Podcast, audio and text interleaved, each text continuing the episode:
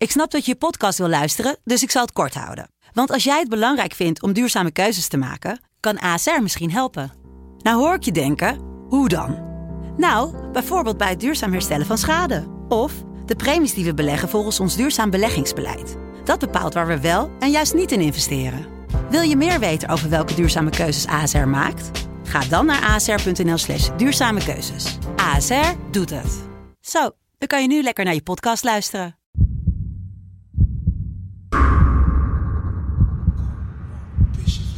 Come on, Bishop. Everybody say, come Bishop. Come on, Bishop. Okay, okay, come on. Come on. Okay, okay, come on. Lennart, Guus, een vraag voor jou. Is PSV na dit seizoen populairder in Japan dan in Mexico? nou ja, ik denk dat Doan het niet alleen heel goed doet op het veld, maar ook daarbuiten. Ehm, eh, waar ze bij PSV eh, nog wel eens naar hunkeren, is dat de spelers heel veel initiatief nemen met hun eigen social media. Nou, dat doet Doan zeker. Dus eh, ik denk dat de kans groot is dat eh, dat, dat Japan is. PSV is landskampioen geworden. Het is niet te geloven. Het is niet te geloven. Romario, wordt dit zijn derde? Wordt dit zijn derde? Dit is zijn derde. Wat een wereldgoal. 5-1. Lozano richting De Jong. Oh, De Jong. Oh, wat een mooie. Fenomenale goal van eh, De Jong. Welkom bij de vierde aflevering alweer van de PSV-podcast. Tof dat jullie weer luisteren. Lennart, wat eh, gaan we doen vandaag? Ja, we gaan het uiteraard even hebben over de afgelopen wedstrijden. Want eh, Guus, jij hebt namelijk ook een aantal spelers gesproken. En eh, we gaan natuurlijk in omtrent het tragische nieuws van het verlies van de vader van Mo. Hè, wat voor een impact heeft dit eigenlijk op de spelersgroep? En daarnaast bespreekt onze vriend Rick Elfrink welke aankoop het meeste indruk heeft gemaakt. Maar nu eerst dus even terugblikken op die eh, laatste twee wedstrijden. Rosenborg PSV. Ja, Ja, want jij zei namelijk 1-1. Wat vond je ervan? 1-1. Ja, dat- ja jij gaat mij nu, nu natuurlijk pakken op die voorspelling van 1-1. Ja, Het verbaasde mij ook wel een beetje, of verraste mij misschien wel, want ze hadden het wel heel makkelijk. maar had jij zo goed eh, research gedaan op Rosenborg? Nou ja, we wisten dat Johnson van AZ daar speelde. Daar ben je natuurlijk eh, super bang voor. Nee, ja, ik moet zeggen dat PSV eh, de eerste helft misschien wel de beste helft eh, van het seizoen speelde. Ja. En, en ja, Rosenborg was ook heel zwak. Dus als je die dingen bij elkaar optelt, dan was een 0-3 ruststand vrij logisch. Maar nee, de eerste helft was, was tof om te zien. Ik kan niks anders zeggen. Ja, en wat vond je van de eerste helft van eh, PSV VVV dan? Want Mark vond die heel goed, heel sterk. Ja, maar Van Bommel zei na de wedstrijd eh, dat, hij, dat hij zijn team echt goed vond spelen. Nou, volgens mij was hij een van de weinigen in het stadion. Want ik vond het eh, inspiratieloos. Het, het- de opbouw verliep traag. En dat is natuurlijk eh, een van de zwakke plekken van dit PSV. Ja. Ze hebben een hoop, hoop kwaliteit voorin. Alleen de, de opbouw van achteruit verloopt gewoon te traag vaak. En nu ontbrak Iataren dus vanwege familieomstandigheden. En dan zie je meteen dat, dat de echte creativiteit op het middenveld wegvalt. Ik bedoel, Bergwijn speelde op 10. Hij speelde een hele goede wedstrijd, maar hij is wel een andere nummer 10 dan Iataren. Bergwijn zoekt toch een beetje zijn eigen ruimtes, zijn eigen momenten. En Iataren heeft de afgelopen drie weken geloof ik 10 geniale passes gegeven vanaf het middenveld. En dat, daar ontbrak het wel aan. En Van Bommel zei, ja, wij waren aan het voorbereiden op, op doelpunten. Weet je, we spelen ze kapot en dan na een uur komen we er doorheen. Maar volgens mij ehm, heeft dat voorbereiden niks te maken met het, het hoge baltempo wat je kan spelen. En dat lag voor mijn gevoel veel te laag. VVV kon het makkelijk tegenhouden. Ehm, ja, weinig creativiteit, weinig... eh, ja, voor mijn gevoel gebeurde er te weinig. Ik weet Ah, niet hoe, ja, hoe dat ja. voor jou was. Nou ja, denk jij dan ook bijvoorbeeld dat eh, Mark van Bommel dan eh, zo in de kleedkamer zegt eh, van jongens, hé, hey, maar dit is gewoon hartstikke goed. Zo gaan we door en zo gaat het goed, zo gaat hij beter. Ja, hij, hij benadrukt natuurlijk heel erg dat PSV geen gekke dingen ging doen. Dat ze vanuit de taak bleven spelen. En dat is echt iets voor een trainer volgens mij. En Ja. dat klopt ook wel. Maar het tempo moet, moet gewoon hoger tegen zo'n ploeg. Ik bedoel, hij zegt ja, na een uur hebben we ze kapot gespeeld. Maar als je een hoog tempo speelt, dan kun je ze ook na 20 minuten of 25 minuten kapot spelen. Ja. Dus ik vond dat PSV in de eerste helft eh, niet goed speelde. En dan in de tweede helft inderdaad, dan zie je dat er... Kijk, het, het gekke is, dit seizoen, de kwaliteitsverschillen zijn zo groot. Je zit er op die tribune en je denkt, het komt wel. Ja. Eh, of het nu in de, in de 40ste minuut is of in de 60ste minuut. Op een gegeven moment komt er ruimte en dan slaat PSV toe. Nou ja, dat was nu ook het geval. VVV stond heel even wat meer eh, open. Eh, Dumfries geeft één lange bal, Bergwijn één op één. Nou, is, zijn tegenstander, ja, geweldige goal. Had Maar hij je ook wel weet- even nodig. Ja, dat had hij nodig, maar je weet dat die momenten komen wel. Ja. Ehm, dus volgens mij, nou ja, en ik als journalist had wel het gevoel dat het goed zou komen. Ik weet niet hoe dat voor jou was als eh, supporter was. Of, of begon, eh, begon je een beetje, eh, stond je met samengeknepen billen op de tribune? Nou ja, ik zat dit keer trouwens bij energiedirect.nl in de box. Dus ik, ik kon het dit keer vanuit een ander standpunt bekijken. Ehm, en ja, wat mij, wat mij opviel, en dat was volgens mij het hele stadion sowieso, vind ik die zondagavond late wedstrijden. Volgens mij zijn ze ook niet heel populair. Het stadion was ook niet erg vol. Eh, het was niet de sfeer waar je dan op hoopt op zo'n zondagavond. eh, en, en dat weet je ook, VVV thuis. Dus ik vond het niet heel spannend. Eh, ik heb het ook nooit spannend gevonden. Eigenlijk wat ik al zei in de, in de laatste podcast. En zo was het ook. Ik vind het gewoon, gewoon vooral heel fijn. We winnen gewoon. En dat, dat is het ook. Eh, met af en toe geniale acties van onze, van onze voorhoede. Ja, dat is gewoon hartstikke leuk. Ja. Wie eh, wel weer twee keer scoorde is Malen natuurlijk. Ja, Dat begint wel echt de grote man te worden. En ehm, ik sprak hem na de wedstrijd even in de, in de mixzone. En dat is mooi bij PSV, want de mixzone is dus de ruimte waar de journalisten en de spelers elkaar ontmoeten. En vorig jaar stonden 9 van de 10 journalisten te wachten tot Luc de Jong la- eh, langs kwam lopen. Want dat Ja. was de aanvalsleider, eh, de topscorer, de aanvoerder. Dus hij was vaak het verhaal van de wedstrijd. Dus dan waren de meeste spelers geweest. En dan stond een grote groep journalisten nog op Luc de Jong te wachten. Omdat Ja. ze toch wilden weten wat hij ervan vond.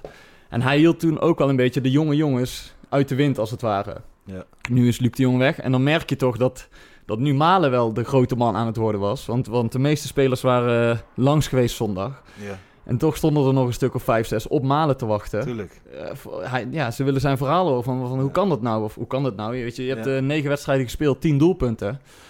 Ja, en, en volgens mij is hij er zelf nog een beetje beduust van, van al die aandacht. Dan staan er in één keer zes eh, journalisten om hem met allemaal vragen op, Ja, op hij hem af te vuren. hij blijft super lief en eh, ik weet niet, heel erg ingetogen, gewoon heel relaxed. Ja, hij is rustig, heel, heel een beetje- verlegen. een beetje en, verlegen, en, ja. en dus, ja, weet je, volgens mij denkt hij, laat mij lekker voetballen, laat mij lekker doelpunten maken. Al die Ja. vragen van journalisten, dat hoeft van mij niet. Maar ja, dat hoort er natuurlijk wel een beetje bij als je tien keer scoort in negen Ja. wedstrijden. Maar ehm, ja, we vroegen hem ook van, je, in het begin van het seizoen was er nog wel eens kritiek dat hij eh, veel kansen creëerde, maar ook veel miste. Hij was Ja. een beetje druistig voor de goal. En nu, elke keer als hij in de 16 een bal krijgt, dan is het een doelpunt. Ja, mooi hè? Ja, super. Super om te zien.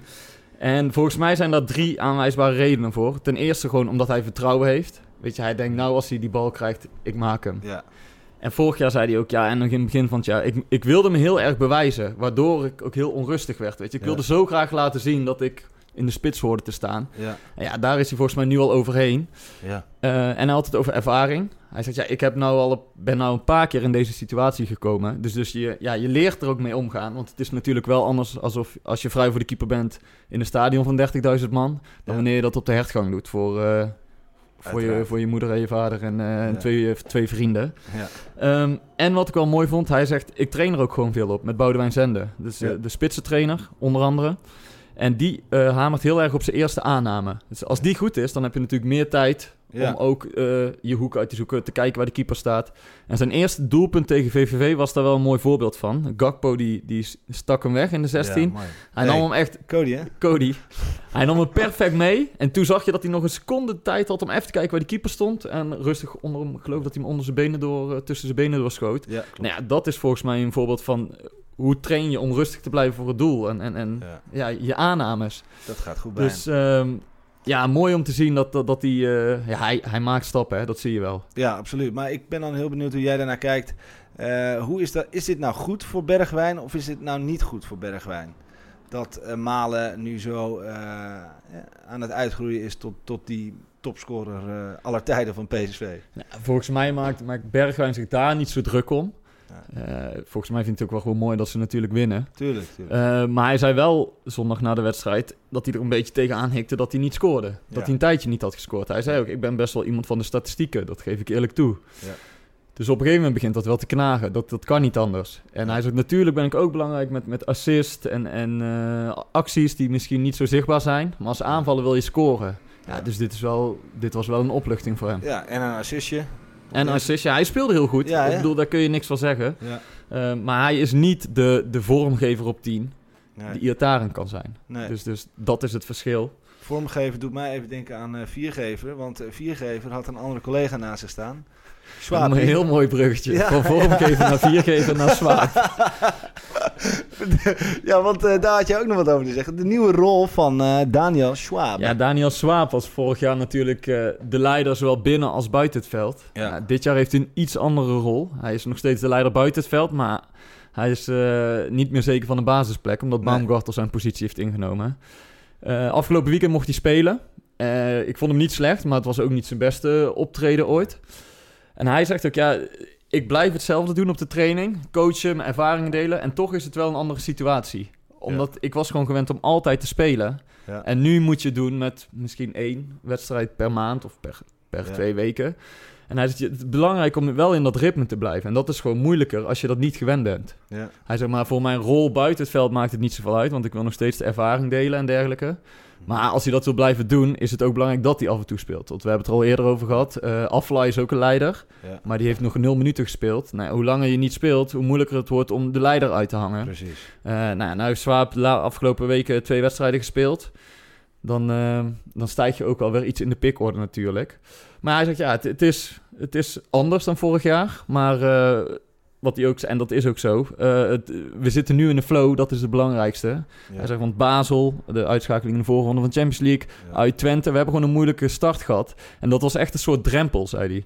Ja. En die drempel zijn we nu al over. En daar, daar moet ik hem wel gelijk in geven. Want je ziet wel dat PSV iets van zich heeft afgeschud. Of dat het nu in elkaar begint te vallen. Terwijl wij aan het begin van het seizoen tegen elkaar zeiden van... Oeh, dit, eh, Ja. Ze- op deze manier gaan ze Ajax niet, Nee. eh, niet lang bijhouden. Nou, kijk hoe denk, ze er denk nu... je dat Swaap eh, een, eh, een andere rol in het veld had verwacht toen hij kwam? Nee, nee, nee, nee. Dat, dat zei hij ook eerlijk. Heeft hij het ook met Van Bommel over gehad. Hij zei toen ik hier weer tekende, toen wist ik dat dit de situatie zou kunnen worden. En dat heb ik ook geaccepteerd. Dus je hoort hem ook, je zal hem nooit horen zeuren of dat hij moet spelen of zo. Hij zegt, ik accepteer deze situatie, maar het is voor mij gewoon moeilijker om in mijn ritme te blijven als ik maar af en toe speel. Hij zegt, maar eh, nee, 100% dat hij het accepteert. Nou ja, dan eh, toch nog even om die wedstrijd ook af te sluiten. Dat stond natuurlijk eigenlijk helemaal niet in het teken van een wedstrijd, maar veel meer vanuit het teken, vanuit het verlies van de vader van, eh van Moe. Ja, Hoe dat leeft. En je zag echt, eh, ja natuurlijk met die goal, ik denk dat iedereen het gezien heeft. En volgens mij was heel Nederland ook wel ontroerd door, door hoe eh, eh, Bergwijn en Dumfries daar in die camera schreeuwen. Cody schreeuwt er in die camera. Dat het echt, echt voor hem is. Ja, dat, dat, dat deed bij mij ook echt wel wat. Ja, ja het, het, inderdaad, die wedstrijd, daar hoef je het eigenlijk niet heel lang over te hebben. Want het waren meer de verhalen om de wedstrijden heen die, die indruk maakten. Of die Ja. nou, in het geval van Malen mooi waren. Eh, nou ja, dat verhaal van Iatara maakte natuurlijk heel veel indruk, ook op de Ja. spelers. Maar denk, Eh, denk je dat ze, eh, ja, dat ze zoiets hadden van... Ik, ik heb eigenlijk helemaal geen zin om te spelen. Ik kan me dat heel goed voorstellen. Ja, ik kan me dat ook wel voorstellen. Ik begreep dat Mart van de Heuvel, de team, teammanager, stuurde 's ochtends een bericht in de groepsapp. Ja. Ja, ja het, het slechte nieuws. Ja. Ja, en het zijn natuurlijk allemaal maten van elkaar. En dan denk je wel eh, even van, oh, moeten we over een paar uur Ja. gaan voetballen? Ja, je Eh, wil bij hem zijn dan. Ja, aan de andere kant zei Bergwijn ook, je weet ook dat het, dat het leven in dit geval doorgaat en dat je, je moet voetballen. Ja. Dus je kan het ook een beetje van je afspelen. Maar je zag wel dat het wel wat had gedaan al met de groep. En die minuut stilte voor de wedstrijd was heel indrukwekkend. Het applaus in de 24e minuut, zijn rugnummer was indrukwekkend. Ja. Maar het mooiste vond ik nog, denk ik, na de wedstrijd. eh, toen de spelers voor de harde kern bleven staan. Want dat, dat was niet geregisseerd, er ontstond gewoon iets. Ja. Ehm, normaal, eh, wat voor liedjes zingen jullie dan? Een beetje algemene liederen Ja. over PSV. Maar Ja. nu werd continu het lied van Iataren gezongen. Bergwijn ging het spandoek halen wat de supporters hadden uitgerold op de tribunes. Dus dat, dat gebeurde zonder dat iemand dat vooraf had geregisseerd. Ja. En ik stond nog heel even vanaf de perstribune te kijken wat, wat er allemaal eh, gaande was. Ja, en dat, toen kreeg ik wel een beetje kippenvel van wauw, weet je wel. Dit, dit menen ze, dit is, Ja. dit is echt. En Van Bommel heeft het altijd over een hechte groep. Ja. Nou dat kon je hier wel zien volgens mij. Maar hoe, ik, hoe, hoe heb jij er vanaf de tribunes naar gekeken? Ja, ik, ik eigenlijk hetzelfde als, eh, als wat jij zegt. Ik, eh, ik vind het zo mooi om te zien. Natuurlijk, hè, ik kan me niet voorstellen dat als je een collega zou hebben die, waarvan de vader overlijdt, dat je daar dan makkelijk over zou doen. Maar toch eh, is dit je club en zie je echt die. eh, zo'n jongen van 17 is gewoon zo'n onderdeel van de selectie. Is misschien wel een van de beste spelers daar. En zo geliefd en hij wil zo graag. eh, ja, dan, dan is het natuurlijk schitterend om te, zien dat iedereen zo meeleeft. Dus ook vanuit ons natuurlijk leven wij mee. Ehm, maar we gaan door de ja, volgende. ook wij moeten door inderdaad. Yes. Ehm, eh, misschien nog wel heel even leuk om te noemen, want door al die eh, indrukwekkende, bijzondere verhalen die we nu hebben besproken, eh, is het debuut van Ryan Thomas natuurlijk een beetje ondergesneeuwd. Ja, De speler die weer vorig jaar door PSV werd aangetrokken. ja. Maar op de tweede training zijn eh, kruisband afscheurde. En nu was het moment eindelijk daar dat hij zijn debuut mocht maken. Ja. Ook een kippenvel moment voor hem. ja. Ik geloof dat jij daar iets meer over weet. Hij heeft nog een toespraak gehouden. Ja, ik heb even met Thij- Thijs Slegers gesproken. En, de ehm, hij- perschef van PSV. Ja, de perschef van PSV. En die vertelde me ook, hè, eh, normaal gesproken iedereen geeft een, eh, een toespraak in de, in de kleedkamer. En eh, sommigen vinden dat toch wel lastig en we weten niet zo goed wat ze moeten zeggen. Maar bij Ryan was het heel duidelijk, hij had heel goed over nagedacht wat hij wilde zeggen. En dat was ook een hele mooie eh, toespraak, om, omdat het voor hem natuurlijk heel zwaar is geweest. Die, die hele periode dat je, dat je net nieuw bij een club komt en je bent er eigenlijk niet meer bij, maar je bent er nog wel bij en niet bij, wel bij.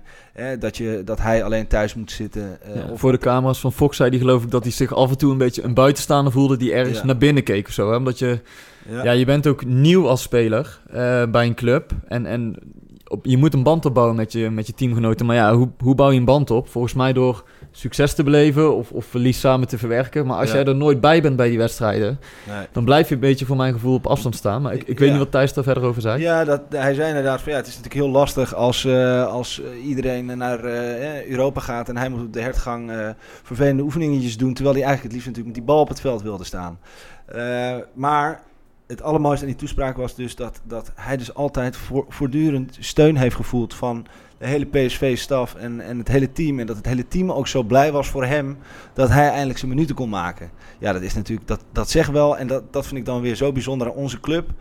Eh, dat is echt ons PSV, het familiegevoel, samenhorigheid. Dat zijn wel de, de, de, de kernwoorden van PSV. En dat, dat typeert dan wel weer zo'n eh, zo'n debuut van Ryan Thomas.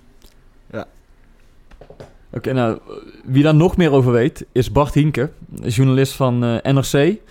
Die volgde Thomas een jaar lang tijdens de revalidatie en die heeft er eh, geweldig verhaal over gemaakt. Ehm, ik sprak hem even en eh, laten we even naar hem luisteren wat hij over, over Ryan Thomas te melden heeft. Het idee was ja, losjes geïnspireerd op een verhaal in de New York Times een paar jaar geleden over de revalidatie van Gundogan van Manchester City, die ook tijdens zijn eh, revalidatie al, al eh, een inkijkje gaf in zijn ziel. En ja, dat, dat vond ik wel aardig om ook eens te doen. Ehm, en eh, ja, toen, toen Ryan Thomas zijn eh, kruisband scheurde, was, ja, was zijn casus eigenlijk extra schrijnend. Omdat hij, dat hij nog geen minuut voor PSV had gespeeld. En ja, zijn droomtransfer te pakken had. En meteen gebeurde hem dit. Ehm, ja, PSV was akkoord. Ehm, en eh, Ryan eh, leek het zelf ook wel eh, een, mooi project om dit te documenteren. En ehm, ja, hij had ook wel het idee dat hij daar misschien wat baat bij had. Het is geen natuurlijke praten die, die zijn ziel blootgeeft. Maar ja, na, na, na een aantal afspraken en ook thuis bij hem op de bank met zijn vriendin erbij, had, kreeg toch wel een beeld van wat er in die jongen omging. Aanvankelijk sprak hij vooral van, van dat het annoying was dat hij, dat hij niet eh, mee kon doen aan de groepsfase Champions League bijvoorbeeld, zijn grote droom. Eh, ja, dat zijn woorden waarvan je niet denkt, dat daar schuilt een grote tragedie achter. Maar het is, ja, langzaam maar zeker krijg je wel steeds meer te zien ook van het, van het stille leed eigenlijk thuis ook. Eh, hij vertelt eh, in januari, halverwege revalidatie, eh, zegt eh, zijn vriendin bijvoorbeeld dat hij, dat hij steeds beter leert communiceren over wat hij eh, doormaakt. En nou, dat bevestigt hij dan ook zelf. Maar dan spreek hem twee, drie maanden later en dan, dan blijkt hij echt eh, eh, een enorm zware situatie thuis te hebben gehad. Waarin eh, echt ze elkaar tegen de muren opliepen bijna. En ja, dan merk je gewoon dat, dat er, dat er ja, steeds nog, nog dingen voor hem te leren waren. Ook in, in het communiceren over wat hij, wat hij doormaakt. En dat, ja, dat, dat zegt hij is de belangrijkste les voor hem die hij ook kan. Iedereen zou willen meegeven die dit meemaakt. praat erover. Op de club had hij natuurlijk genoeg mensen waarmee hij die, ehm, ja, kon delen wat hij, wat hij meemaakte. En ja, het belangrijkste natuurlijk op Ouderland, zijn fysiotherapeut, die hem dag en nacht zo, zo wat bij stond. Maar ja, er zijn momenten dat hij met Ruud van Nistelrooy sprak, die hem eh, echt eh, ook, ook ja, vanwege de dienstgeschiedenis natuurlijk eh, bijzonder bijgebleven zijn. Hij zegt bijvoorbeeld dat Van Nistelrooy eh, ehm, hem echt aanraden om ook mentaal gewoon stil, steeds stil te staan bij, bij kleine stappen die hij maakt. Vergelijk het steeds met twee maanden geleden, niet met een dag geleden. Want ja, dan word je gek. Maar als je echt steeds je, je, je, je progressie over, over zeg maar middellange termijn ziet... maak daar gewoon notities van in je hoofd. zie wat je bereikt hebt. En, en ja, wat ik zelf wel mooi vond, was dat Ruud van Nistelrooy zei tegen hem van... joh, er is nooit meer een, een jaar in je carrière waarin je zo met je lichaam bezig bent als nu. Dus, dus ja, maak daar ook alle gebruik van. En ja, volgens mij zie je ook wel aan zijn bouw nu dat hij wat, nog, nog even wat steviger is geworden. Nou ja, dat, dat, dat hopelijk helpt hem dat verder. Uiteindelijk zie je ook gewoon hoe die, hoe die reflecteert op zichzelf in eerdere interviews. Dat is ook wel aardig aan zo'n zo'n vorm is uh, dat hij in het begin uh, nam hij zichzelf wel kwalijk dat hij zo uh, ja, toch wat onbeholpen in een bloktackle gevlogen was, waardoor het gebeurde. En ja, dat hij zichzelf dat ook wel verwijt. Maar ja, tegelijkertijd, dat doe je nou eenmaal op training, zeker bij een nieuwe club. Nou, later zegt hij dan in het afsluitende gesprek, zei hij zelf van ja goed, dat, inmiddels heb ik daar gewoon vrede mee, weet je, dat dat gebeurt. Want dat doen voetballers gewoon en zo so be it. En ja, wat wel, wat wel best wel ja, binnenkwam, vond ik, is dat hij, ondanks alles wat hij al ja, had laten zien, voorzichtig van hoe zwaar het was, dat hij uiteindelijk ook nog zei van ja, het is nog zwaarder geweest dan ik van tevoren had uh, gedacht. En uh, ja, ja, hij zei toch ook wel dat hij echt uh, momenten van depressie had, had gezien. ja, goed, dat, dat, dat hoort er kennelijk bij en hij heeft dat overwonnen nu. Dus ik ben erg benieuwd hoe die eruit komt. Ja, en laten we dan doorgaan uh, met onze nieuwe rubriek, de PSV buiten Brabant. En uh, volgens mij hebben we een hele speciale gast ja, vandaag. Ja, ja. De, de, de, gast aan wie we deze mooie PSV-podcast te danken hebben. Natuurlijk onze eigen Easy, Easymat Merin. Ja, uh, dankjewel Easy. Ik hoop dat je luistert. Het is hier niet snikhit, maar wij zijn heel blij dat wij onze podcast naar jouw mooie anekdote hebben, hebben mogen vernoemen. Ehm, ja, hoe, hoe gaat het met hem? Waar is hij? Waar is hij? Ja, nou ja, hij is natuurlijk naar uh, Besiktas vertrokken. Voor niet een hele hoop geld. Het was, geloof ik, uh, heb ik gelezen, 350.000 uh, euro vertrok hij naar Besiktas. omdat hij wist dat, dat er helaas geen plek meer voor hem zou zijn binnen de selectie bij PSV. blijft het feit natuurlijk dat hij een van de meest geliefde spelers was. Niet alleen als speler, maar ook als persoon binnen, binnen heel PSV. Maar goed, hij voetbalt nu bij Toulouse. En uh, bij Besiktas speelde hij natuurlijk mee op de prijs. Hè. Besiktas die, uh, in Turkije die ze, zijn wel vaak 1, 2 of 3. Maar nu uh, zit hij bij Toulouse. En Toulouse die doet het niet altijd even lekker. Die, die strijden vaak mee om de onderste regionen. En van de vijf wedstrijden die Easy inmiddels voor ze gespeeld heeft... ja, hebben ze er ook vier verloren. En speelden ze er één gelijk. dus het nou, loopt nog niet op rolletjes voor onze nee. held. Nee, en nou dacht ik, hoe kan het nou zijn dat uh, als je bij Besiktas uh, met uh, 40, 50.000 man heksenketel in zo'n stadion, je bent daar toch naartoe gegaan en je gaat na een half jaar alweer terug naar Frankrijk. Waarom is dat dan? Heb je heimwee? Eh, wat is er aan de hand? nou heb ik begrepen, uh, het, in Turkije gaat het nou nog niet zo lekker met uh, geld. Hè? Ze, ze willen betalingen, alles. Salaris. Betalingen, salaris, et cetera. Het schijnt dat, uh, dat iemand daar een beetje, het, het, een beetje zat is geworden. En zei van ja jongens, het schiet niet op. laat me ergens voetballen waar ik gewoon netjes mijn salaris krijg. nou, dat komt blijkbaar bij Toulouse wel. Dus daar is in ieder geval aan verhuurd.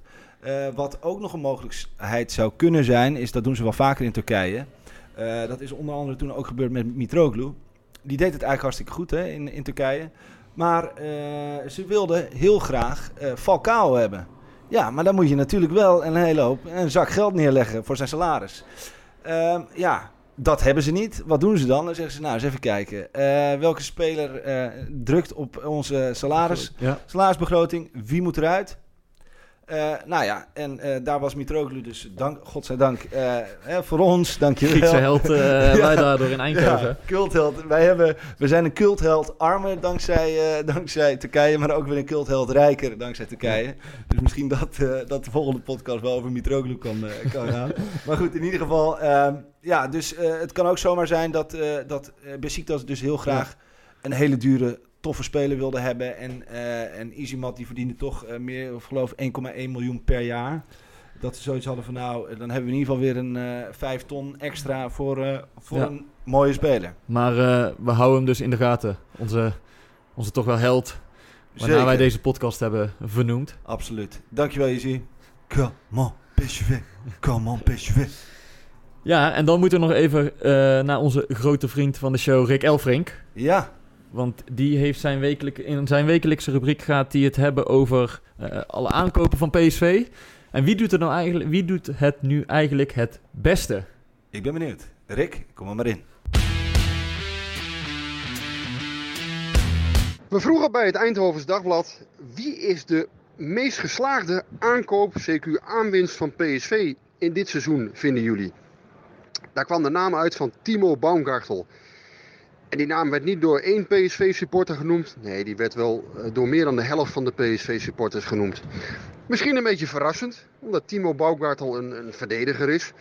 Maar hij heeft een hele goede indruk gemaakt bij PSV. Een sobere eh, ja, sobere verdediger, een rechtsbenige centrale verdediger. Die, ja, daar was eigenlijk ook wel behoefte aan, hè, nu Daniel Swaap wegging. Maar eh, ja, Swaap is teruggekomen en Baumgartel staat er nog steeds. Hij heeft een, ja, een, een, een prettige indruk gemaakt, zowel binnen als buiten het veld. Het is een jongen die eh, ja, makkelijk benaderbaar is. Hij, is eh, ja, hij komt goed over in zijn interviews, denk ik. En ja, bij PSV past hij volgens mij prima. In eh, Hilversum wordt daar wel eens anders over gedacht. Niet, iedereen, niet iedere analist is positief over hem. Maar in Eindhoven merk je eigenlijk louter ja, positieve geluiden. En daarom is hij ook de, de meest geslaagde PSV-aankoop vooralsnog geworden, vinden de supporters van PSV.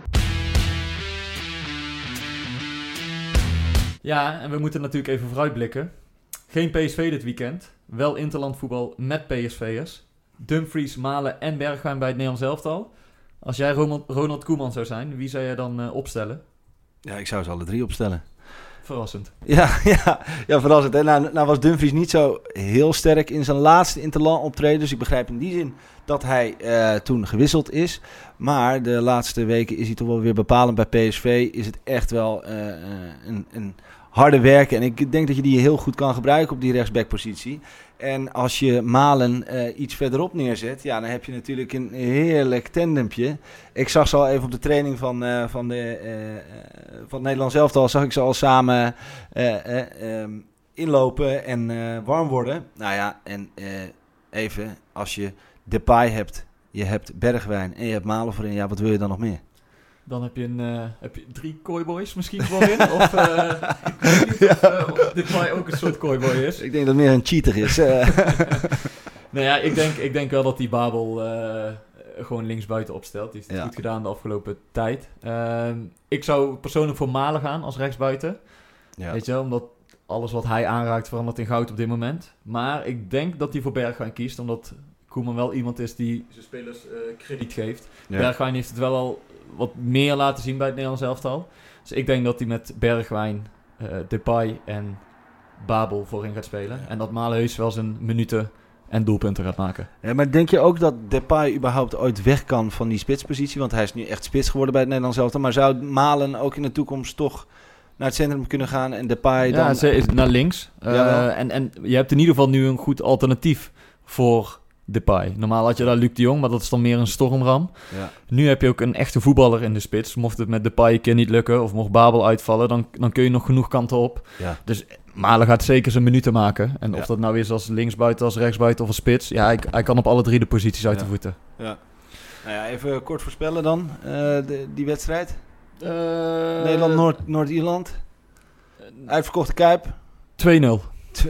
Nou, ik ga wel voor wat meer hoor. Ik, eh, ik heb even zitten kijken. Dus ik, ken, ik ken één speler van, van Noord-Ierland. En meestal zit ik er de afgelopen tijd dichterbij dan jij. Dus ik ga voor 5-0. 5-0, oké. Yes. nou, dat was hem dan weer. Ja, Ja, volgende week zijn we er weer. Dan eh, blikken we terug op de interlandperiode en kijken we vooruit op eh, FC Utrecht PSV met Bart Ramselaar. lastige wedstrijd. Zeker. Yes, tot snel. Tot snel. Houdoe en bedankt.